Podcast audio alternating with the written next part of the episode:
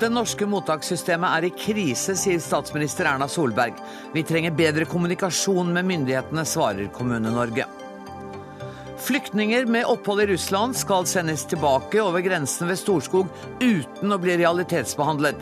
Innstrammingspolitikken er i gang. Regjeringen vil gjeninnføre avgift på flyreiser neste år. Dette vil ramme distriktene hardt, sier NHO Luftfart. Nei, det er god klimapolitikk, svarer Høyre.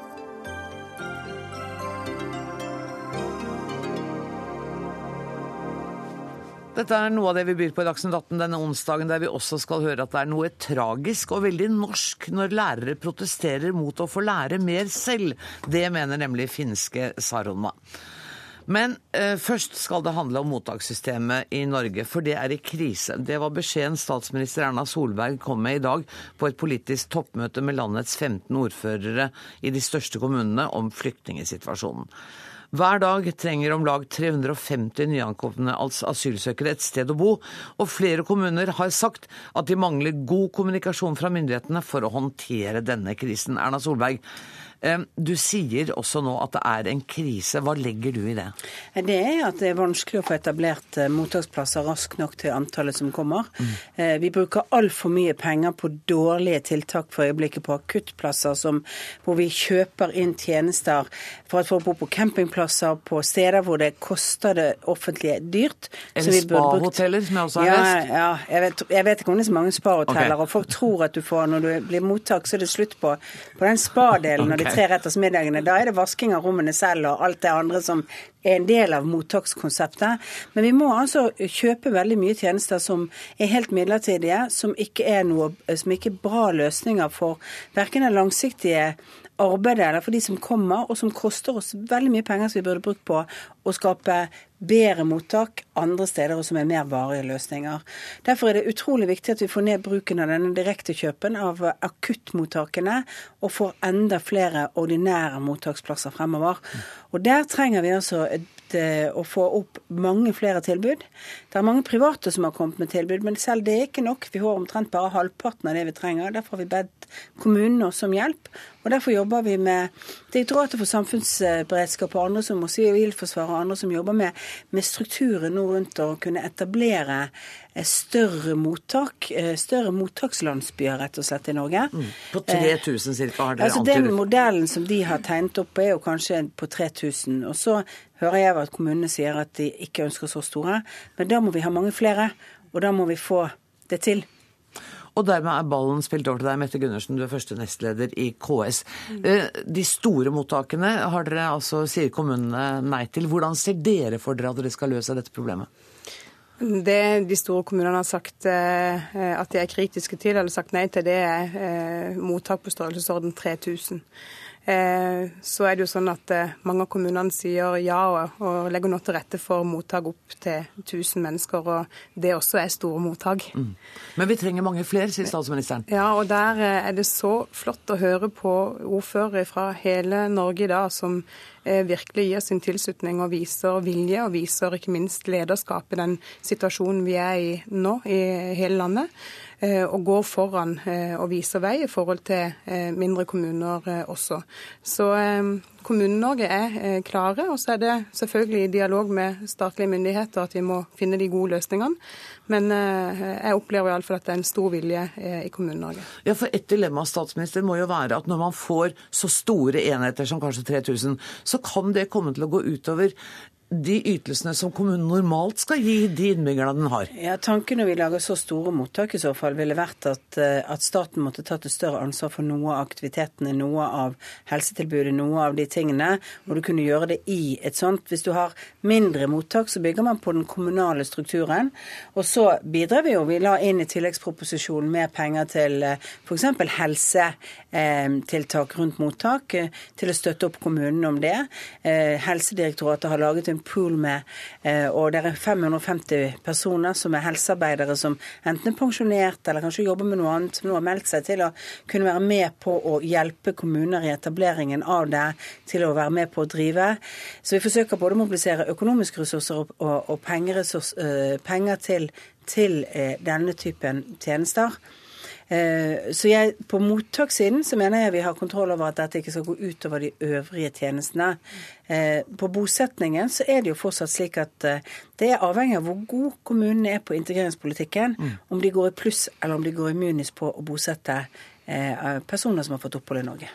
Så Du mener at fremdeles så trenges det en ekstra innsats fra kommunene. Bruker du fremdeles ordet dugnad om den situasjonen vi er i, statsminister? Ja, jeg bruker dugnad, for dette er en dugnad vi er nødt til å drive over lang tid. Nettopp. Det er en evigvarende dugnad. Ja, og ikke evigvarende. Så er det vi må mobilisere ekstra ressurser i en ekstraordinær situasjon. Mm. Og det betyr bl.a. at når 550 personer melder seg til å kunne, kunne bidra innenfor helse til, i andre kommuner til å til å hjelpe til på dette, så er det en del av en sånn dugnad. For vi mobiliserer ressurser som går utover de strukturene vi har i dag. Og så er det viktig at vi tenker nytt og annerledes rundt en del ting, som gjør at uh, ikke alt bare betyr at vi skal betale enda mye mer for det. For det er en sånn grense økonomisk før det går utover, ikke bare innenfor kommuneøkonomi, men også innenfor statlige budsjetter, mm. går utover uh, betydelige andre sektorer i Norge.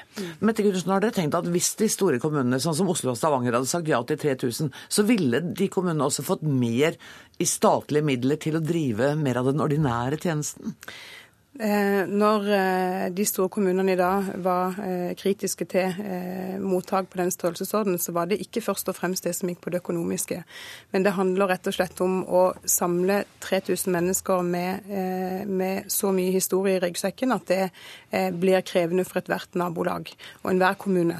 Så det var egentlig der fokusen var. Men så er det jo klart at på det mer generelle så er det helt riktig at ordførerne er opptatt av at vi skal få kompensert eh, det det måtte koste. Og Det handler selvfølgelig om at ikke en eh, må være i en situasjon der eh, de ordinære oppgavene til kommunen må kuttes i pga. den ekstraordinære situasjonen. Og Det handler om to ting. For det første så handler det om at nå opplever vi en befolkning som forstår alvoret i situasjonen. Vi har en frivillighet i Norge nå som er helt eh, ekstraordinær. Det er flott å se så mye mennesker som er villige til å, å bidra. Eh, men det er klart at eh, vi er redd for at eh, mennesker etter hvert blir slitne også av å jobbe frivillighet. Og hvis en da i tillegg opplever at de ordinære tilbudene fra kommunen forringes, mm. så er det veldig lett for at den gode viljen vi har nå, bikker over. Sånn at det er en balansegang hele veien, og det opplever jeg også at regjeringa i dag viser stor forståelse for. Og at kommunikasjonen blir bedre, for du har tidligere sagt at kommunikasjonen har ikke vært god nok. Nei, og det handler veldig mye om dialog. Mm. Det handler om, om dialogen mellom Eh, selvfølgelig eh, kommune, eh, kommuneledelser og, og, og, statlige myndigheter. Men ikke minst så handler det om UDI og direkte inn i kommunene. Vi har eksempler på ordførere som har fått veldig kort frist på fra UDI i forhold til når et nytt mottak opprettes i kommunen. Eh, og Den dialogen har vi tidligere sagt må bli bedre, men så har jeg lyst til å si at det, eh, nok mange opplever at den dialogen faktisk også har blitt, har blitt bedre. bedre. Mm. Mm. Statsminister, vi hører her om en enorm frivillighet og en enormt entusiasme for å være med på dugnaden. Samtidig så vet vi jo også at motstanden mot å ta imot flere flyktninger mm. øker. Ja, det gjør den. Og det er klart at Eh, terrorfrykten, eh, usikkerheten hos folk, det må vi ta på alvor. Den er stor. Frykten for å skjer i mitt nærmiljø. Sant? Derfor er det veldig godt og viktig med gode prosesser. Utfordringen vår er jo at tidsaspektet gjør jo at det er vanskelig med alle de gode prosessene. Og, og Derfor så er det jo sånn at når vi har mange midlertidige løsninger for øyeblikket, i påvente av at de mer regulære mottakene kommer opp og står, eh, så betyr det at det blir en belastning ett sted på de midlertidige som vi ikke kan ha så gode prosesser rundt, mm. for å få de etablerte og de mer langsiktige tingene til å, til å fungere.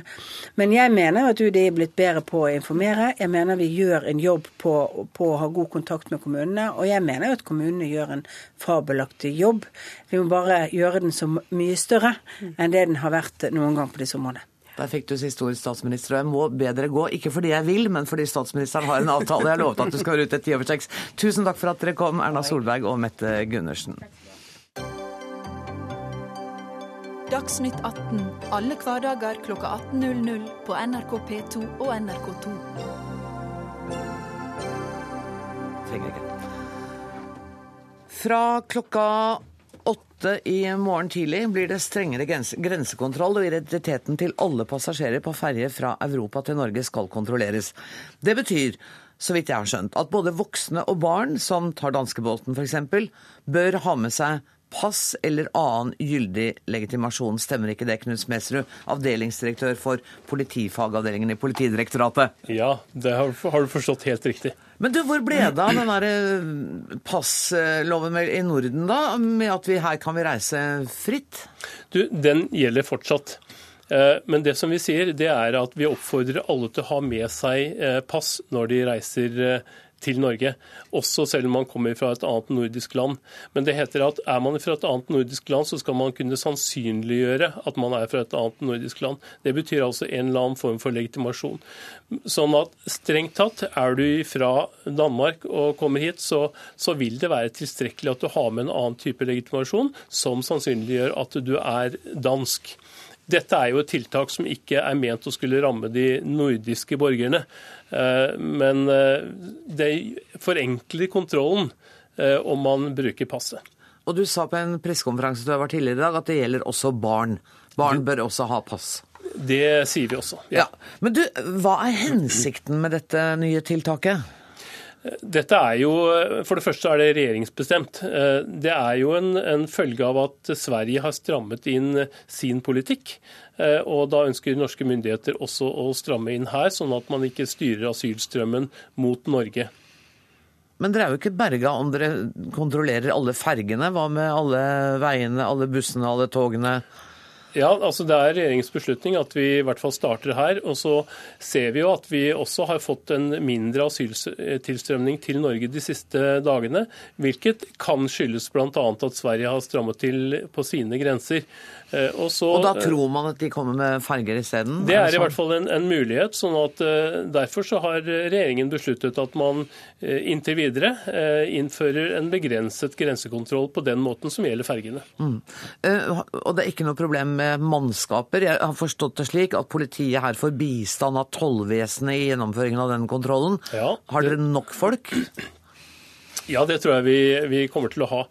Eh, vi har jo sånn noenlunde oversikt over når fergeanløpene er. Eh, vi skal forsøke å utføre dette her med de ordinære mannskapene. Eh, og med forsterkninger fra tollvesenet, og vi tror at vi skal klare det. I tillegg så skal det gjennomføres hyppigere grensekontroller f.eks. ved Svinesund, stemmer ikke det? Ja, det er riktig. Vil det være type kontroller som man hadde i fjor sommer i forbindelse med den tydelige terrortrusselen mot Norge? Ja, det, det, er, det, er, riktig. Ehm, det er altså ikke en, en grensekontroll, men det er en uh, hyppigere territorialkontroll i grensenære områder, som det heter. Hva er forskjellen? Eh, er, forskjellen er at vi vil ikke stanse og kreve legitimasjon av alle som eh, kommer innover Svinestund eller innover Magnor. Der vil vi foreta stikkprøver og kontrollere identitet på da, den måten.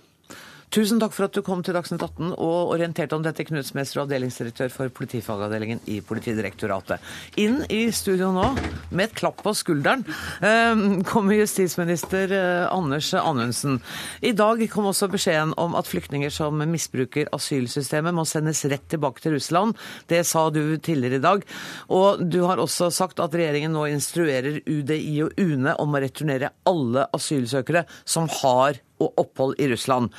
Dette skal gjennomføres uten eh, realitetsbehandling av asylsøknadene. Hvordan skal dere klare å fange opp de asylsøkerne som ifølge regjeringen misbruker asylsystemet? Ja, dette er jo de asylsøkerne som kommer over Storskog fra Russland, og som har et oppholdsgrunnlag i Russland. Mm. Og veldig mange av de eh, har jo da et, de har jo et oppholdsgrunnlag og et trygt opphold i Russland. Det betyr at de ikke er reelle asylsøkere, og derfor har vi nå fått hjemmel eh, på fredag, som ble satt i kraft, til å avvise behandlingen av de asylsøknadene, rett og slett. Og det skjer fra nå, ikke sant? Og det skjer, skjedde, eller starta klokka 0700 til morgenen i dag. Morgenen i dag. Litt, litt etter. Um, men har, du og jeg har snakket om dette problemet flere ganger i dette studio. Uh, og et av problemene er jo knytta til at Russland i en del tilfeller har stemplet passet til dem som reiser ut, med at de er ikke ønsket i Russland de neste fem årene. Ja, altså Det er mange forskjellige kategorier dette gjelder. Den kategorien som vi kan behandle på den enkleste måten, er de som har enten studieopphold, arbeidstillatelse eller annen type varig oppholdstillatelse i Russland som er avklart, også for så vidt eh, engangsvisum. Mm. De vil kunne returneres eh, raskt. Men så vil det være andre grupper, som f.eks. de du nevner, som kan ha fått utvisningsvedtak, som en da må ha en grundigere behandling av. Men de kan faktisk risikere da å bli returnert f.eks. til Afghanistan hvis de kommer fra Afghanistan. Men da går det ikke så fort? Du kan ikke snu litt, dem ved grensen? Nei, da går det litt lengre tid. Okay. Men vi har da rusta systemet vårt for at vi skal kunne dele inn, eller signalere som det heter, inn i de ulike gruppene. Men når jeg hører liksom begrepet 'snu ved grensen', så ser jeg det helt sånn fysisk på meg. Men, men hvor lang tid skal det gjennomsnitt ta for at en som helt åpenbart er her uten grunn, kan bli sendt ut igjen? Retur samme dag. Det er, det er målet. samme dag? Det er målet. Det betyr altså at du kommer inn eh, over grensa, du, eh, det blir avklart og det blir fatta et vedtak om bortvisning. Og det skjer på Storskog? Og det skjer på Storskog, og så blir du returnert eh, tilbake til Russland. Har du snakket med den russiske kollega om dette her? Ja, vi har god dialog med Russland om dette. Både på grensekommissærnivå, som ligger under mitt ansvarsområde, og også diplomatisk, sånn at Russland har vært informert om hva vi nå har innført, før vi har innført det. Har de reagert på det på noen som helst måte? Altså, vi har en veldig god dialog med russiske myndigheter om dette jeg opplever vel egentlig at de eh, har et ønske om at vi skal finne en løsning som er bra for begge parter. Eh, og den dialogen er viktig å opprettholde. Nå ser vi også over Storskog at ankomsttallene har gått eh, ganske mye ned. Var det drøyt 400 i nedgang i forrige uke, var det det? Ja, jeg husker ikke tallene helt. Ja, I går så kom det 24 over Storskog, mens vi for noen uker siden opplevde nesten 200. Mm. Så det har jo skjedd en endring underveis i disse prosessene. Og jeg tror både det arbeidet vi nå har gjort, som har leda frem til den instruksen som er iverksatt i dag, i tillegg til at vi har hatt en god dialog med russiske myndigheter, kan være forhold som har påvirka det. Uten at vi skal si at dette er en varig situasjon, for det vet vi ikke ennå. Skulle du ønske at det var en varig situasjon? Ja, jeg skulle ønske at vi nå eh, har et ankomstbilde som er eh, mer håndterbart enn det vi har sett eh, tidligere. Den situasjonen vi har vært i i den måneden vi har bak oss, har vært ekstremt krevende. Det har stilt alle våre systemer på en alvorlig prøve. Og vi har måttet virkelig utfordre oss selv på å tenke nytt for å klare å håndtere dette. Så jeg håper at vi kommer tilbake i en mer normal situasjon så raskt som mulig. Men vi ser jo samtidig at migrasjonen inn til Europa fortsatt er stor, selv om det er noe redusert nå den siste uka uka, så er det fortsatt veldig mange uregistrerte migranter som befinner seg i Europa. Så vi vet ikke hva morgendagen bringer, men de tiltakene vi også har eh, underveis, og som vi jobber med, og dels er innført, tror jeg også vil ha en effekt som styrer asylstrømmen andre steder. I hvor stor grad har den svenske innstramningspolitikken påvirket deg når det gjelder å innføre både det som jeg snakket med Politidirektoratet om, nemlig tollgrensekontroll, eller grensekontroll, og dette med Storskog? Ja, Det er to forhold som På Storskog så vil ikke det ha noen spesiell betydning, for der er reiseruta en hel annen. Men det er to ting som svenskene har gjort som er veldig viktig for oss. Det ene er at de har innført grensekontroll. Det er veldig positivt for Norge, fordi da kan ikke migranter bruke Sverige som transittland. Og det fører til at færre kommer til Norge eh, via svenskegrensen. Det andre er at de nå har varsla en rekke innstrammingstiltak, som bl.a. har ført til at vi har innført eh, grensekontroll eh, ved våre eh, havner som får ferger fra Sverige, Danmark og Tyskland, for at vi skal være sikre på at ikke asylstrømmen eller migrantstrømmen endrer seg på en sånn måte at flere velger Norge. Vil de også bli snudd på fergeleie, de som er åpenbart grunnløse asylsøkere? Ja, Nå er det innført et system som gjør at eh, fergeselskapene, altså rederiene, skal undersøke ID og innreisetillatelse, altså Schengen-visum, for de som kommer om bord i ferjene der hvor, eh, altså i utlandet. Eh, og Det vil jo bidra til at vi får betydelig bedre kontroll over hvem som kommer hit. Et spørsmål til slutt, justisminister. Du er klar over selvfølgelig at det er organisasjoner som er kritiske til denne innstramningspolitikken. Og det, i det ligger en fare for at man bryter menneskerettighetskonvensjonen. Har du vurdert det? Ja, ja. I alt vi gjør så vurderer jo vi selvfølgelig det. Men det er ingen tvil om at Norge, som et av de landene som nå har mottatt flest eh, asylsøkere og migranter de siste månedene, er helt avhengig av å få bedre kontroll over egne grenser. Vi er nødt til å gjennomføre tiltak som gjør at ikke vi settes i en eh, situasjon som vi ikke klarer å håndtere. Nå holder vi på med de tiltakene. Vi håper at de vil eh, gi veldig rask effekt. Og vi ser jo nå egentlig at både den styrken som et nesten samla storting gir den innstrammingspolitikken, politikken har effekt uh, utad på signal, hvilke signaler som sendes til de som er på reise. I tillegg så har vi også arbeida frem um, mye informasjon til personer som er underveis, og som uh, vurderer å reise, om hva som er den faktiske situasjonen i Norge, hva som skal til for å få opphold, og hva som gjør at du ikke får opphold. Og Det kan nok også påvirke strømmen av migranter i retning av Norge.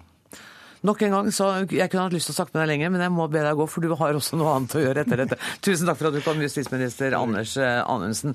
Inn i studio kommer eh, Trine Eilertsen. For vi skal fortsatt snakke om flyktningkrisen. Hvor alvorlig er egentlig situasjonen blitt? Og vi hører statsministeren sier at mottakssystemet er i krise.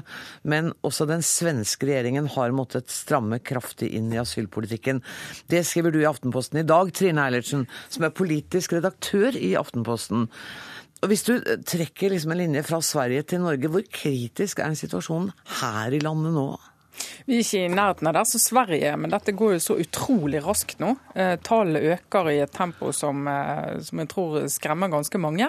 Eh, og det vi har, Hvis vi skal se på Sverige og det som har skjedd der og overføre det her, så ser vi det at i løpet av ganske kort tid så får du et voldsomt press på tjenestene ute i kommunene. Du får et press på barnevern, på helsetjenester. Kommuner som blir bedt om å på veldig kort varsel øke antall skoleplasser med kanskje 10-20-30 hvis det er en liten nok kommune. Altså det er veldig sånn noen svære utfordringer for de små kommunene. Og vi har så vidt sett toppen av eh, isfjellet hvis vi skal, hvis vi skal se på hva som venter de etter neste år. De kommer til å bli bedt om å bosette kanskje Kanskje 50 000. 20-30 sier de i dag, men det kan bli mer enn det. Og Det er også folk som har fått opphold og skal være i Norge. Og det, vi vet at vi før sommeren snakket om 5000 som skulle bosettes ute i kommunene, så er 50 000 et enormt tall. Men du skriver jo om Sveriges bitre helomvending i flyktningpolitikken, at dette vil bli stående som et monument over mange år med unnfallenhet. Gjelder det i Norge også? Nei, jeg mener at debatten i Norge og Sverige har vært eh, veldig ulik. Vi har hatt en mye sunnere debatt enn man har hatt i Sverige. Eh, og Norge har drevet en, uh, en flyktning- og innvandringspolitikk som har vært mer tilpasset situasjonen til enhver tid enn det man har evnet å gjøre i Sverige, fordi vi har hatt en åpen debatt. Vi har hatt perioder med innstramming. Vi husker 2009, da hadde vi en innstramming som var en direkte respons på en økt tilstrømning av, av grunnløse asylsøkere. Og nå ser vi at det er brei enighet om innstramminger nå også, uten at det blir veldig sånn dramatisk dramatisk skift i norsk politikk. Det er bred enighet, det om, nei, det er bred enighet om de store linjene i den politikken. og Vi snakker om midlertidige eh, endringer av politikk, og vi snakker om at eh, vi er nødt til å svare på en akutt situasjon. Så jeg mener faktisk norsk politikk har håndtert det mer eh, sunt og mer fornuftig enn det svenskene gjorde, som på en måte har ventet og ventet og ventet og på en eller annen måte håpet at noe skulle endre seg. og Når endringene først kommer, så blir de veldig dramatiske. Og jeg tror selv For et velgerståsted så virker det rett og slett litt panisk og litt lite troverdig. Skjalg Fjellheim, du er kommentator i Nordlys. Hvordan vil du si belastningen har vært for kommunene i Nord-Norge? Den har vært veldig stor. Husk på at det er kommet mange tusen over den norsk-russiske grensa ved Storskog de siste to månedene. og de aller fleste av disse er da plassert ved mottak i en eller annen nordnorsk kommune. Mange av disse kommunene har jo en ut, hva skal vi si, en anstrengt økonomi i utgangspunktet. En del av de er faktisk under statlig administrasjon. De står på den såkalte Robek-lista. Og, og, en del ordførere frykter jo nå at de ikke skal få kompensert for de merutgiftene de får ved å, å ta imot så mange asylsøkere. Et eksempel er jo f.eks. Eh, Porsanger kommune i Finnmark. 3800 innbyggere, 400 asylsøkere. Kommunen står, eh, er, er, satt under statlig administrasjon fra før. Så dette er både et spørsmål om økonomi, og det er også et spørsmål om menneskelige ressurser for å kunne klare å ta hånd om så mange. Men merker du også en endring i folks holdning til å ta imot flyktninger og asylsøkere? På grunn av dette? Jeg tror fortsatt det er en stor eh, grad av dugnadsvilje eh, i Nord-Norge. I Tromsø i dag har det vært eh, bystyremøte der kommunen har sagt ja til å ta imot 1000 asylsøkere som skal plasseres i båter i Tromsø havn. Men samtidig så er det klart at denne dugnadsånden blir tynnslitt etter hvert, fordi at mange ordførere opplever at de ikke får forsikringer fra regjeringa om at kostnadene blir, eh, blir dekka, og de har jo også forpliktelser overfor sine egne innbyggere som skal ivaretas eh, midt oppi dette. Det er viktig å ikke glemme det. Mm. Trine Eilertsen, vi hørte jo representanten for KS tidligere i dag si at det er en voldsom vilje til frivillig innsats nå, men man ser slitasjen. Ja, det tror jeg. Det gjør man. Eh, mange har jo jobbet gratis eh, og med stor entusiasme for eh, asylsøkerne og flyktningene som har kommet, og kommer til å gjøre det en god stund til. Men det er vanskelig å basere kjempe, denne kjempeutfordringen i, for norsk samfunn og politikk og alle områder på så mye frivillighet som vi har sett nå. Jeg tror rett og slett en del som ikke kommer til å stå løpet ut. og Det er ikke fordi de er dårlige mennesker, det er rett og slett fordi det er utrolig slitsomt å holde på med. Så den, denne nøkkelen, den kontakten mellom stat og kommune, som til nå har vært, eh, og det tror jeg alle forstår, for det har vært akutt, har vært litt sånn eh, rufsete og litt humpete, og dialogen og kommunikasjonen har ikke vært helt god, den er helt nødt til å fungere.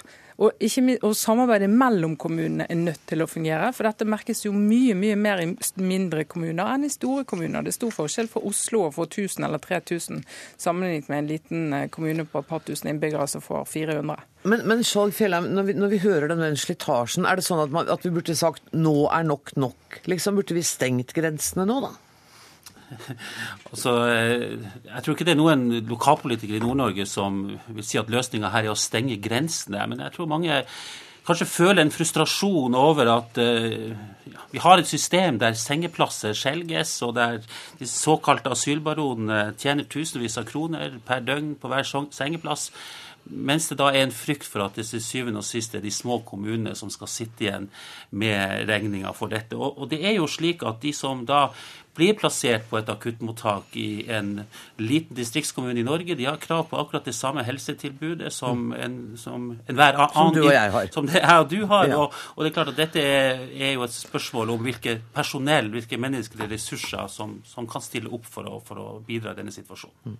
Utfordringene står fortsatt i kø. Tusen takk for at dere kom til Dagsnytt 18, Trine Eilertsen og Skjalg Fjellheim.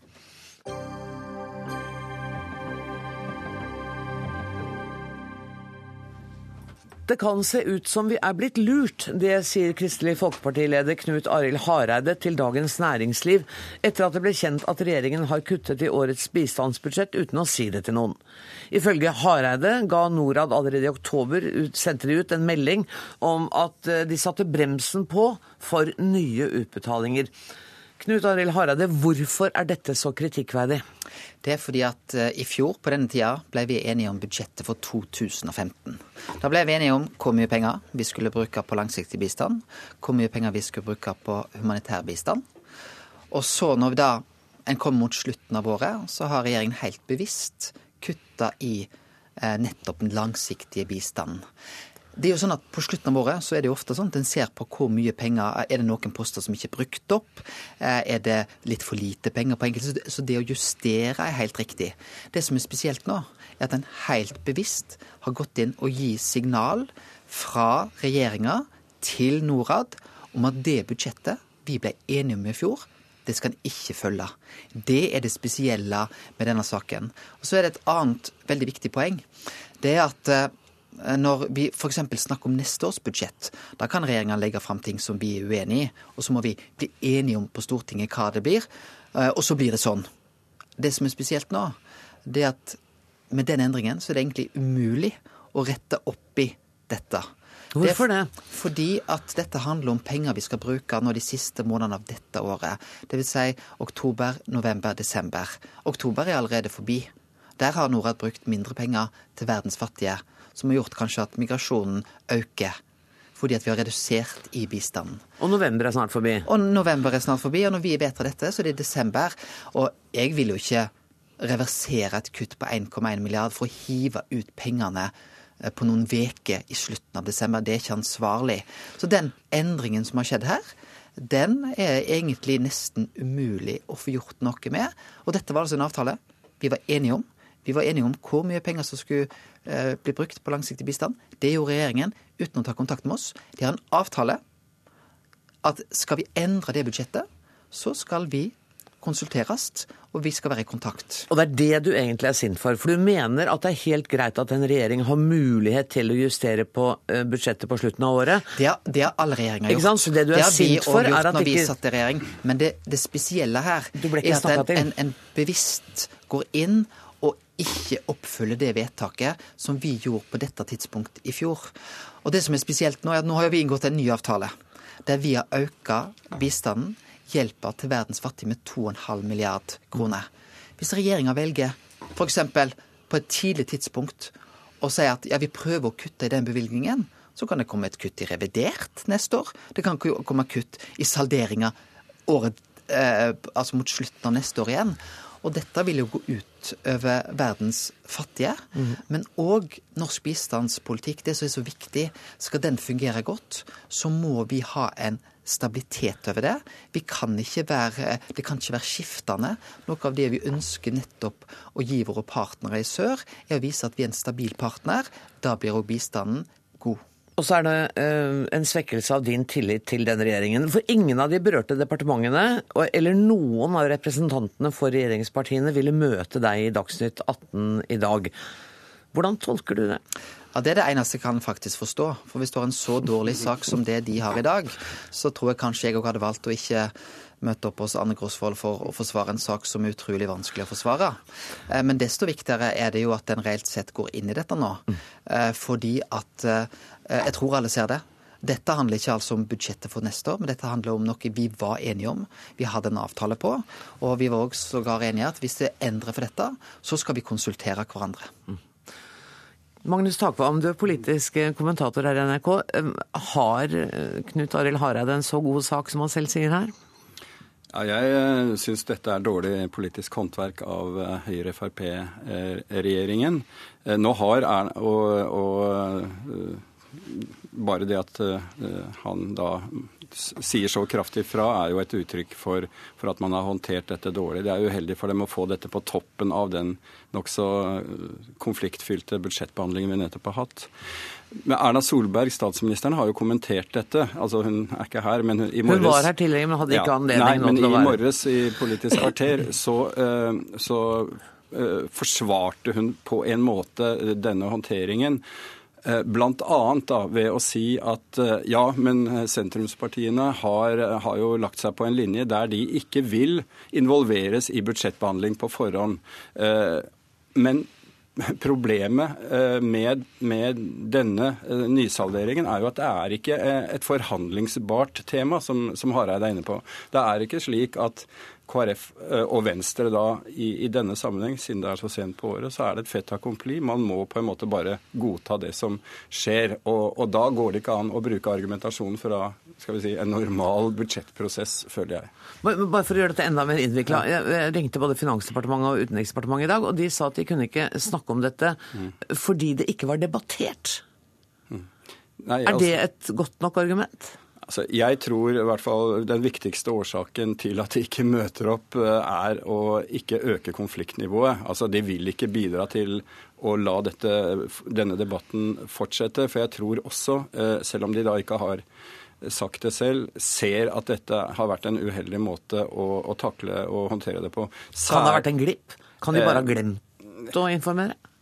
Det hvor, hvor, hvordan det har oppstått, eh, er vanskelig å si for meg. Men det er klart at når man allerede i eh, september-oktober varslet Norad om å sette bremsene på og ikke foreta utbetalinger i en periode, i påvente av en eh, ventet utgiftsvekst for asylankomstene, så, så, så var det jo i hvert fall var man bevisst på hva man gjorde. Så da tenkte man ikke tydeligvis over de politiske implikasjonene av dette. Men det, som kan, det er klart at denne situasjonen eh, kommer til å kunne være et problem i, i mange budsjett framover. For alle ser at flyktningeutgiftene kan komme til å øke ved hver budsjettbehandling.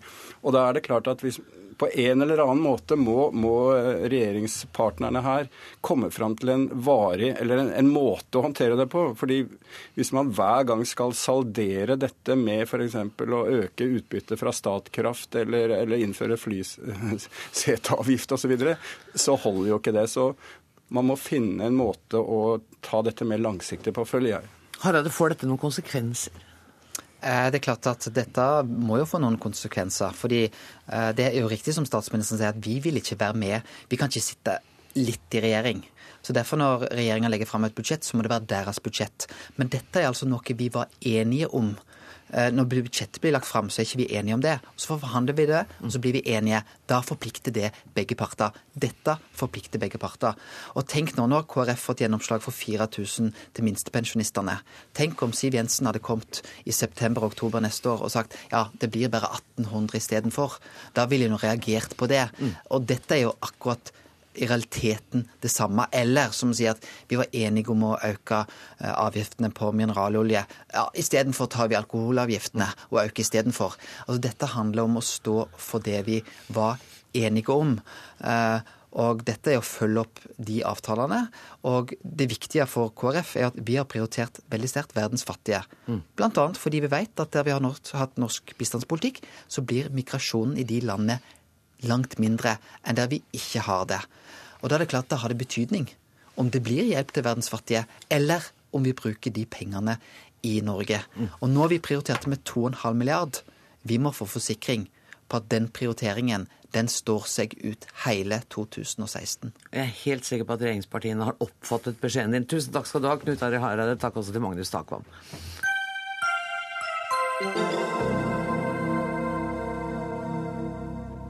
20.10 i fjor ble en svart 17-årig gutt skutt 16 ganger av en hvit politimann i Chicago i USA. En video fra hendelsen, som først ble offentliggjort i går, viser at 17-åringen ble skutt gjentatte ganger til tross for at han ikke gikk til angrep på politimannen, og politimannen skjøt også etter at gutten lå på bakken. Dette går inn i en lang rekke lignende konfrontasjoner hvor amerikansk politi har drept svarte ungdommer tilsynelatende uten grunn. Og natt til i dag demonstrerte flere hundre mennesker i Chicagos gater, USA-korrespondent Gro Holm. Hvorfor har amerikanske myndigheter ventet så lenge med å innrømme at de har, og offentliggjøre denne videoen? Ja, Statsadvokaten som har siktet den hvite politimannen Jason van Dijk, eh, hun sier rett ut at det er viktig for den offentlige sikkerheten at Chicagos borgere vet at politimannen blir stilt til ansvar. Med andre ord, eh, offentliggjøringen eh, av denne videoen skjedde bevisst etter siktelsen, og det har jo også vært en masse møter, bl.a. med Chicagos borgermester og svarte borgerrettighetsledere og andre svarte ledere eh, i forkant av offentliggjøringen av denne videoen for å dempe noe av det de det de forestiller seg kunne bli reaksjonene. Hva sier politiet om omstendighetene omkring denne skyteepisoden? Ja, Politiet er jo tilbakeholdne med å gå ut offentlig og si så veldig mye i og med at han er under etterforskning og, nå også er siktet, da, Jason van Dijk. Eh, men det, det, advokaten til eh, van Dijk sier, det er at eh, han fryktet for sitt liv, at videoen ikke sier hele sannheten, at den er todimensjonal, ikke tredimensjonal, og at han faktisk var truet, på tross av at 17-åringen faktisk løp vekk fra politibilene. Mm. Helene Megaard, du er kommentator fra amerikanskpolitikk.no. Dette er jo langt fra den første denne type hendelser i eh, USA. Hvordan påvirker det det politiske livet? Altså, da er jo USA midt i en eh, nokså opphetet eh, valgkamp. Og særlig på demokratisk side så Eh, selv om hun ikke har gjort det ennå, så kan, det, kan, jeg tenke meg at Hillary Clinton kanskje kommer med en uttalelse. Hun er jo selv fra rett utenfor eh, Chicago. Eh, men på den andre siden, på republikansk side, så har vi jo eh, Donald Trump, som foreløpig leder på meningsmålingene. Han eh, ligger på ca. 25 på, på nasjonale målinger, og helt klart hisser opp stemningen og, og, kan man si da deler av den hvite befolkningen. Han forsvarer da politiet i denne saken, eller? Eh, nå har jeg ikke sett at han har uttalt seg spesielt okay. i denne saken, eh, men han har kommet med uttalelser eh, tidligere som, som vil tilsi at han er på politiets side i den saken. Og også for bare et par dager siden så var det en svart demonstrant som ble, som ble angrepet eller overfalt under, under et møte blant Trumps tilhengere. Gro, er du fortsatt med oss? Det er jeg. Ja, for Jeg husker da en, en tale hvor eh, president eh, Barack Obama sa at nå må vi ha opplevd dette for, for siste gang. eh, At politiet skyter sakesløse eh, mennesker. Hvilke tiltak vurderes for å redusere tallet på disse hendelsene? Ja, Det viktigste enkelttiltaket er nok dette å utstyre deler av politistyrkene med kroppskameraer, som de også har med ute på patrulje, og biler også med kameraer inni bilene. Det var jo et slikt kamera som gjorde dette opptaket eh, til denne videoen. Eh, det er det ene. Og... Men det hjalp jo ingenting i denne sammenhengen, da. Nei, nå skjedde jo, dette var jo for et år siden, og det hjalp jo ingenting i denne sammenheng. Det, det er du helt rett i. og det er vel ikke noe særlig tegn på at det har gått noe kraftig ned med politivold etter at de begynte med kroppskameraer. Men, men det er jo, gjør det jo i hvert fall lettere å dokumentere hva som faktisk har skjedd. Og det er jo også en måte å imøte, imøtegå alle de videosnuttene som er blitt lagt ut av politivold som er tatt av publikum eh, underveis. ikke sant? Politiet vil ha, si at vi har også våre opptak. Uh, Helene Megård, hva tenker du om den tendensen som vi har sett i den senere tid mellom den økende konfrontasjonen mellom befolkning og politi? Ja, først så, så vil jeg bare si at Det er ikke sikkert at, at det er flere såkalte sånne politiskytinger. Men det vet vi ikke, for det blir ikke kartlagt. Eh, men, men det er jo helt riktig at det er et, er et kjempefokus eh, på dette nå, eh, og at disse videoene hjelper. Eh, altså med tanke på da å få dette fram i lyset. Men den svarte befolkningen og svart presse har jo hatt fokus på dette i, i mange eh, mange år. Det var en som sa vi har fokusert på dette i 130 år. Eh, og for den svarte befolkningen er det nok viktig med disse videoene. Altså vise Se her blir en svart mann eh, som ikke provoserer eller som ikke utgjør noen fare, skutt i ryggen. Eh, så disse videoene er nok da, har, har en viktig funksjon. Men igjen så ser vi jo ikke i Chicago denne gangen, heldigvis foreløpig.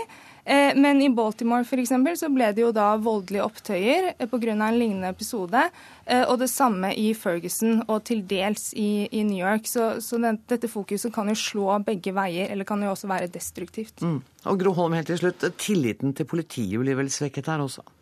Ja, Tilliten er lavere nå enn den har vært i de siste 22 årene, hvor tillit til politiet er, er målt. Den er eh, like høy nå som den var i 1993. 52% sier de har tillit til politiet. og Det er veldig stor forskjell på svarte og hvite. 57% av hvite sier de har tillit, bare 30% av de svarte. Republikanerne, der sier 69% at de har tillit, og bare 42% av demokratene. Så også her ser vi politiske skillelinjer gjør seg gjeldende. Takk for at dere kom til Dagsnytt 18, Gro Holm og Helena Megård. Hør Dagsnytt 18 når du vil. Radio NRK Radio.nrk.no.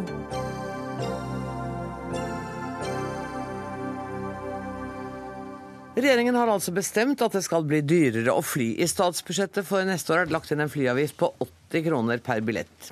I 2001 ble avgiften fjernet av Bondevik I-regjeringen, bl.a.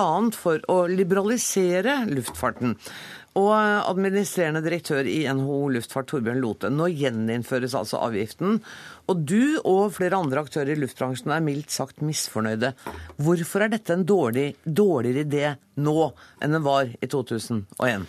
Ja, Det var jo en dårlig idé i 2001 òg. Men da var den på 256 kroner, nå er den på skarve 80. Ja, men det var like fullt en dårlig idé. Det var en enda dårligere idé den gang, kan vi si. da. Men okay. eh, eh, det, det er egentlig en hårreisende dårlig idé, fordi det her er en skatt som pålegges folk flest og norsk næringsliv i en tid der vi trenger stimuli for vekst og utvikling og omstilling av eh, norsk næringsliv. Eh, den skatten som er miljøbegrunnet, har ingen miljøeffekt. Det sier jo faktisk regjeringa sjøl i sitt budsjettfremlegg i oktober. En måned seinere har tydeligvis regjeringa ombestemt seg. Nå mener de at en skatt på 2 milliarder kroner, hvorav 1,2 milliarder kommer i Norge, at det faktisk har en miljøeffekt. Det er feil. Regjeringa har for så vidt sagt det. Klimakur 2020, den statlige utredninga, har sagt det samme. Eh, det, betyr, det, er fordi man er inne i det her kvotesystemet som har lagt et tak på hvor mye luftfart man kan ha i hele Europa. Og når vi flyr mindre i, i Norge fordi man legger på en skatt, da frigjør vi de kvotene til våre konkurrenter nede i Europa. Det er ikke god miljøpolitikk, det er faktisk svært lite effektiv miljøpolitikk. Siri Meling, du er medlem i finanskomiteen for Høyre. og Torbjørn Lote har jo litt rett, for han sier at, eller, han sier at dere har snudd i dette. For da en lignende avgift ble forsøkt innført i 2010, så gikk Høyre ut og omtalte forslaget som et uttrykk for en foreldet politikk. Nå er det samme forslaget god klimapolitikk. Forklar meg den snuoperasjonen der. Ja, Det skal jeg forklare deg. Eh, det er klart at det, det er jo ikke Høyre som eh, i regjeringens forslag til budsjett har lagt dette fram. Dette er et resultat eh, av de forhandlingene og det budsjettforliket som, som vi har inngått med Kristelig Folkeparti og, og Venstre. Så dere, dere men, har men, gått litt baklengs inn i dette men, her? Men, nei, men vi skal stå for, for det forliket vi, vi går inn, og, og er relativt avslappet òg i forhold til, til, til, dette. Det er klart det har all forståelse for at NHO, luftfart og industrien ikke ønsker å, å få økte avgifter. Men, eh, men, jeg tror vi òg må ta inn over oss den endringen det har vært fra den tiden tidlig på 2000-tallet under Bondevik II, når vi fjernet denne, denne seteavgiften. Den gangen så var det et helt annet eh, situasjon i luften. Da var det høye priser. Eh, liten konkurranse. Det gjorde vi noe med, og det har betydd at vi nå har et helt annet tilbud, et helt annet prisnivå på flyreiser enn vi hadde den gang. Men allikevel så har altså dine partikolleger stått fram og sagt at dette er et godt klimatiltak. Det syns ikke du? Altså, Det er klart det vil alltid kunne diskuteres om dette er et godt eller mindre godt klimatiltak. Det er mange, mange tiltak, og det vil alltid kunne være en diskusjon om, om det ville vært bedre å, å lagt avgift på, på andre områder. Men nå er det det som på en måte ligger i enigheten, og det er klart at det stiller vi oss òg eh, bak. Men hvis man, hvis man, kan diskutere om dette er et godt klimatiltak, hvorfor har dere da gått med på det hvis teorien er at det ikke det har ikke noen virkning på klima? Det er, det er en for liten sum til at det virkelig vil ha noen særlig effekt. Hvorfor kaller dere det da klimatiltak? Kan dere ikke bare si at dette ble vi trua til?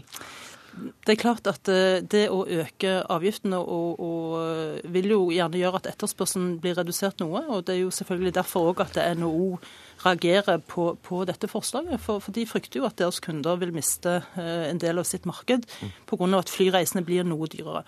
Men det er klart at vi kan gjerne diskutere andre tiltak som kanskje kunne vært bedre, men uansett så er det klart at pris vil ha en sammenheng i forhold til forbruk. Og ingen vil kunne vri seg unna at òg fly forurenser. Det er vel riktig. Pris har en sammenheng med forbruk. Det vil nok bli noe reduksjon i etterspørselen i Norge. Det, det tror jeg nok. Mener du bare i Norge? Ja, å reise ut av Norge. Ja, Men der er jo avgiften lavere fordi den bare er én vei. Mm. Så, så, der vil vi nok ha, nok ha en liten effekt. Eh, vi har regna litt på det. Eh, hvis vi ser isolert på Norge og ikke tar med kvoteproblematikken, mm. så vil du kunne få en reduksjon i klimagassutslipp på, på en rundt 60 000 tonn i året. Det utgjør 1,2 promille av de samla klimagassutslippene i Norge. Altså helt mikroskopisk. Og det skal du bruke en avgift i Norge da på 1,2 milliarder for å få til. Det betyr at kostnaden for å få ned eh, klimagassutslipp i det omfanget der, altså helt mikroskopisk, den blir på nesten 18 19 000 kroner per tonn. Det er helt absurd høyt. Det er en sløsing med ressursene. Det er en helt feil måte å gjøre det på. Så det her er en skattlegging av det norske folk som bidrar faktisk til å vanskeliggjøre omstilling i næringslivet. Nå settes 1000 arbeidsplasser på Rygge i spill. Okay. En lufthavn som sliter. Det er masse de arbeidsplasser knytta opp til luftfarten eh, fordi den er en motor for vekst. Jeg har lyst til å ta klimaargumentene dine først. For at Silje Ask Lundberg sitter i eh, Tromsø og er eh, nestleder i Naturvernforbundet. Og dere er ganske fornøyd med den avgiften, dere? Ja, det er vi. Vi har tatt til orde for at man skal ha en sånn seteavgift på på flystrekninger lenge, så vi er veldig fornøyd med at vi nå har fått det. Men selv om det reduserte utslippene tilsvarer ca. 1,2 promille, altså 60 000 tonn i året, det er jo nesten ingenting. Ja, Men samtidig så må man jo huske at det her er jo bare ett av mange tiltak som vi skal gjøre for at vi både skal komme i havn med å få redusert klimagassutslippene, men også på å bygge opp en enda grønnere transportstruktur i Norge. Og da er det jo klart også at når man bygger ut jernbanetilbud Vi vet jo at noen av de mest trafikkerte strekningene det er der det finnes fullgode alternativer mellom Oslo-Bergen, Oslo-Trondheim. Så kommer man til å få insentiver, vanlige folk, til å skulle velge en annen reise, reisemønster enn det som er. Og så er det jo ikke sånn at dette er utslipp som man bare skal kimse av bare fordi at det ikke er liksom de aller, aller største. Og der ser vi at, sånn som du sa, da man hadde denne avgifta sist. Siden den ble fjerna, så er det sånn at eh, fra, fra 2002 til 2014 så har klimagassutslippene fra drivstoff solgt til utenlandsflyvninger fra Norge økt med 87% og så ser vi også at det er en vanvittig vekst som er planlagt innenfor eh, flytrafikken. Og det er bl.a. I, i Bergen så er det planlagt å, å doble avgangene fra Flesland. Og der har man en rapport fra 2011 som sier at bare den eh, økninga i antall avganger, det vil utslippene derfra, det vil spise opp alle klimatiltakene som er foreslått å gjøre i Bergen. Lote. Ja, Det der er jo bare tøys. Det er en rapport som Naturvernforbundet har laga. Poenget er at luftfarten vokser omtrent som bruttonasjonalprodukt. Eh, luftfarten reflekterer samfunnet vårt, reflekterer det næringslivet vi har, reflekterer vekst i økonomien. Så luftfarten er ikke et mål i seg sjøl.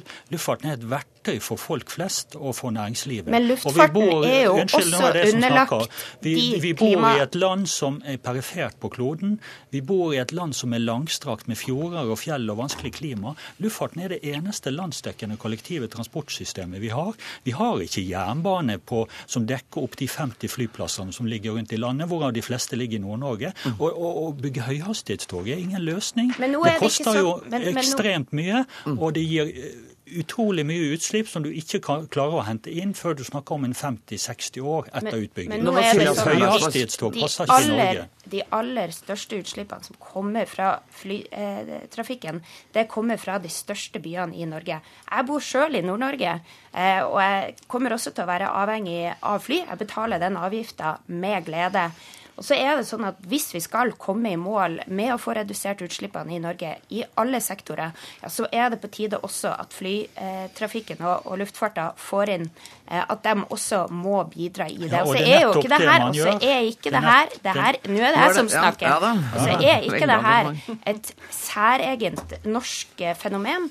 Man har lignende avgifter i både Tyskland og i Storbritannia.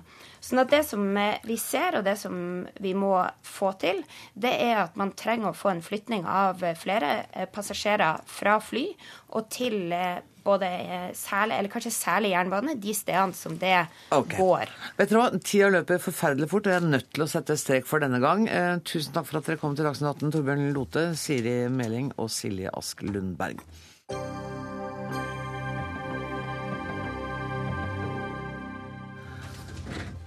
I sommer innførte kunnskapsminister Torbjørn Røe Isaksen som krav at man skal ha 30 studiepoeng for å undervise i matematikk, engelsk og norsk på barnetrinnet. Og 60 studiepoeng for å undervise i disse fagene på ungdomstrinnet og i videregående skole. Siden det har tilbakevirkende kraft, så må nå om lag 38 000 lærere tilbake på skolebenken for å få nok studiepoeng. Og det har ført til kraftige protester fra lærerne. Sanna Saroma, du er historiker, og du skriver i VG i dag at det er noe litt tragisk og veldig norsk når lærerne protesterer mot å lære mer selv. Hva mener du med det? Uh, altså det er det som jeg sier, at, at jeg syns det er trist at, uh, at, lærere sier at kunnskap ikke er viktig. Og jeg syns ikke lærere kan si det. Altså Lærere er forbilder. De må være positive til utdanning. Altså, jeg, jeg, er nesten fristet til å si at lærere som sier noe sånt, de burde aldri vært lærere. At, at Tenk at de er mot økt kompetanse. Altså Det er egentlig et kjempeparadoks. De skal samtidig motivere barn for å utdanne seg, og så mener de selv at utdanning er noe herk. Håvard Tjoran, du er lærer, kjent bl.a. fra TV-serien Blanke ark, men du mangler 15 studiepoeng, du, eh, etter de nye reglene. Um, bør ikke du skaffe deg mer kunnskap? Altså, først må jeg bare si, Det som blir hevdet der, er bare tull. Det er ikke slik at lærere er mot kunnskap og utdanning. Det jeg har reagert på, og som jeg har skrevet om, er at jeg, altså jeg har seks års utdannelse, og det er blitt ugyldiggjort over natta. Ja, har det, det? Ja, altså jeg kan ikke Eller jeg regnes jo da som ufaglært i ungdomsskolen. Gjennom, min, eh, gjennom mine seks års utdanning. Og det er det jeg reagerer på, og da veldig mange andre lærere. Men, men du mangler da 15 eh, ja, studiepoeng. Sies... Men det kan du gjøre, du kan ta dem over ti år? Ja, altså det må sies jeg mangler 15 studiepoeng i uh, matematikk ja. og 30 i norsk. Nettopp. Og det er også det med allmennlærerne at vi underviser jo i veldig mange fag. Jeg har jo på det meste undervist i ni fag i, i uka. Uh, og så kan du si at Vi har ti år på oss til, uh, til å ta dette her. Det er egentlig ikke sakens kjerne. Problemet her er at utdanningen vår er ugyldiggjort. Uh, det er jo også opp til kommuneøkonomien om vi blir sendt på den etterutdanninga. og hvis jeg skal vente ja, i ti år, da, så er jeg 48 år gammel og skal tilbake på skolebenken da for å ta disse vekttallene som da er en formalitet. Og i den perioden så vil jeg jo være da blant si det, ufaglærte i skolen. Og det syns jeg er dønn urimelig på vegne av veldig mange lærere. Sanna Sarama, skjønner du det? Altså, jeg, jeg, reagerer på det at, at, eh, det er på en måte ekstra alvorlig når det kommer fra Sjora, som er et slikt forbilde i det norske samfunnet, som har sagt så mye bra og skrevet så mye bra. Og når lærere, og når han eh, klager høylytt, gir de på en måte samtidig skoleeierne, altså politikerne, legitimitet til å nedprioritere denne videreutdanningen. Og jeg reagerer også på at Sjora ser dette bare eh, på som en formalitet. Altså, han skrev i Dagbladet at, at dette gagner ikke elevene hans hans overhodet. Og Hvordan kan han vite det når han ikke har tatt de studiepoengene? Det kan jo faktisk hende at også han, selv, selv Sjora, kan lære noe ved å ta 30 studiepoeng i norsk eller, eller 15 studiepoeng på matte eh, på universitetet. Og jeg tenker at, at Når man er mot tilbakevirkende kraft, slik som Sjora og Utdanningsforbundet, så fratar man dagens elever den muligheten til å ha kompetente lærere på skolen. Er, men, men mener du at, at noen få studiepoeng, noen ganske få studiepoeng, er forskjellen mellom en god og en dårlig lærer? Eh, vi snakker om noen få studiepoeng, men de har no, bare noen få studiepoeng fra før. Eh, og, og hvis, hvis, det, hvis, det, virkelig er noen få, få studiepoeng, det som, det som, jeg virkelig stusser over, at det er bare å kaste seg på det studiet Det, det burde ikke være noen sak for en erfaren lærer å ta de 15 studiepoengene som læreren mangler. Men istedenfor å gjøre det, kaste seg på, på et studium, så klager de. Og det, det gir så dårlig signal i kunnskapssamfunnet. Kjore. Jeg, bare reagerer på at vi ikke diskuterer her at seks års utdannelse er ugyldiggjort. 16 års erfaring har ingenting å si. Jeg, jeg, kan ikke skjønne at det går an å argumentere på denne måten. At det er snakk om å bare kaste seg på og ta noen ekstra studiepoeng eh, som at eh, ja, det skulle bare være å kaste rundt og gjøre. Saken her er at utdanningen til 38 000 lærere er ugyldiggjort, slik at vi ikke kan undervise ungdomsskolen. Og det er egentlig hele problemet. Men hvordan burde det vært løst, da? Altså, Lærere er, er, eh, jo opptatt av både videreutdanning og kursing og kursrekker. Eh, og, og, få den siste forskningen rundt det vi driver med. Eh, det burde man for det første tilbudt. og så kunne jo Isaksen... Men det tilbyr man, man tilbyr jo 5500 sånne etterutdanningsplasser i år. Ja, 5500. Ja, Men 38 000 skal vel ikke gå på én gang, da? Nei, det er akkurat det. Altså, det er snakk om at dette skal skje i løpet av ti år. Og, og i mellomtiden så er man da altså utgangspunktet ugyldiggjort for å skulle undervise i ungdomsskolen. Og Det er egentlig hele problemet, at man har tatt en utdanning og sier den er ikke lenger gyldig. Mm. Sanna Saramo, du ser det problemet at vi har altså 38 000 lærere som nå har fått beskjed om at utdanningen deres ikke er gyldig lenger?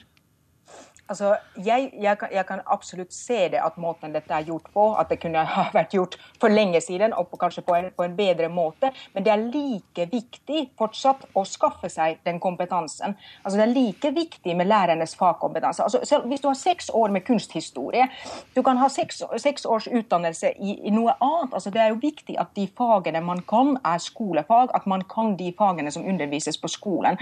Uh, og jo mer kan læreren, dess bedre lærer elevene dess bedre kan, kan da elevene de fagene. Men Hadde det ikke vært deilig med en lærer som kunne noe annet enn bare fagene sine også? Som kunne utvide horisonten og tenke på andre ting? Eh, jeg sier kanskje ja til begge deler, men, men altså fagkompetanse i fagene er viktig. Og så kan det være litt kunsthistorie på toppen. Bare for å skyte Det er ingen lærer som er motstander av kunnskap. Det er ingen lærer som ønsker eh, å kunne for lite til å undervise i faget sitt. Eh, og det er, Noe av problemet er at man sier jo at eh, lærerne i skolen rett og slett ikke er gode nok til å gjøre jobben. Alle lærere. Altså, det, det er ingen lærere som er, er gode nok til å gjøre jobben sin eh, av allmennlærerne. Og, og, det er fryktelig trøblete. Å ta en hel stand og si dere er ikke gode nok. Dere er, selv med fire eller seks års utdannelse er dere ikke gode nok. Og dette kommer dere til å si fra tydelig til kunnskapsministeren? Absolutt. Jeg må eh, si takk til dere der, fordi at denne sendinga nærmer seg slutten. Takk til Sanna Saroma, takk til eh, Håvard Tjora. Helt på tampen så skal jeg bare fortelle at det var Dag Dørum som eh, hadde ansvaret for dagens utgave av Dagsnytt 18. Det tekniske ansvaret er det Frode Thorshaug som bærer. Jeg heter Anne Grosvold og satser på at vi høres og ses igjen i morgen. Takk for nå.